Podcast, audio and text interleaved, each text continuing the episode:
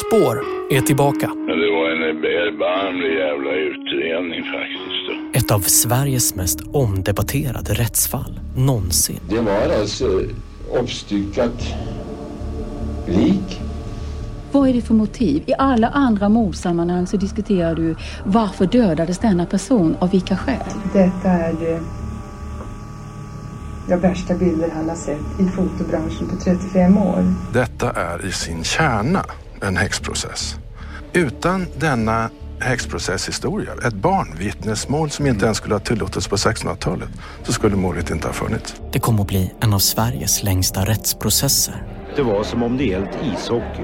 Strax före klockan 10 i morse så var det fullpackat på avdelning 12 i Rådhuset. Och där en av rättens ledamöter idag ångrar vad de kom fram till.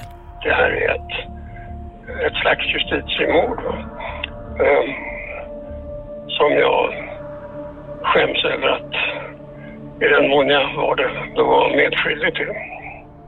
En omdiskuterad man ställer upp på intervju. Gör du något? Får jag röka? Ja. Får jag det? Ja, självklart. Allmänläkaren, det är jag. Och jag var ju inte allmänläkare. Jag skulle ju bli hudläkare. Har jag berättat om det? Och ett unikt material får äntligen den genomlyssning det förtjänar.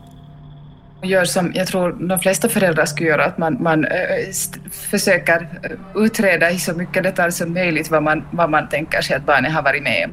Spårs åttonde säsong. Fallet Katrin da Costa. Och vi kommer släppa fler säsonger framöver. Men för att det ska ske så har vi insett att det krävs både resurser och tid. Vi kommer börja jobba med fler grävande journalister i vår redaktion för att kunna korta tiden mellan släppen av säsonger.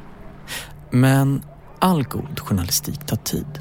Så för att detta ska fungera så kommer vi be er att börja prenumerera på Spår. Och på så sätt stödjer du vår redaktion i vårt arbete.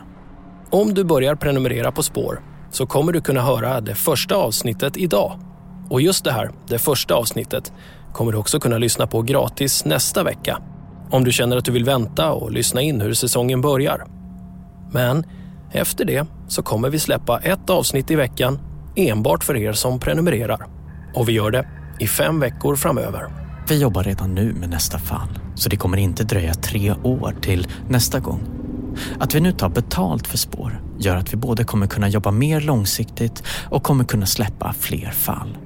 Det ger oss helt enkelt möjligheten att ägna oss åt det vi helst av allt vill göra. Berätta fler granskande historier om kriminaljournalistik. Gå in på avsnittsbeskrivningen för där hittar ni länkar för att börja lyssna redan nu. Tack för ert stöd och tack för att ni också väntat tålmodigt på spår.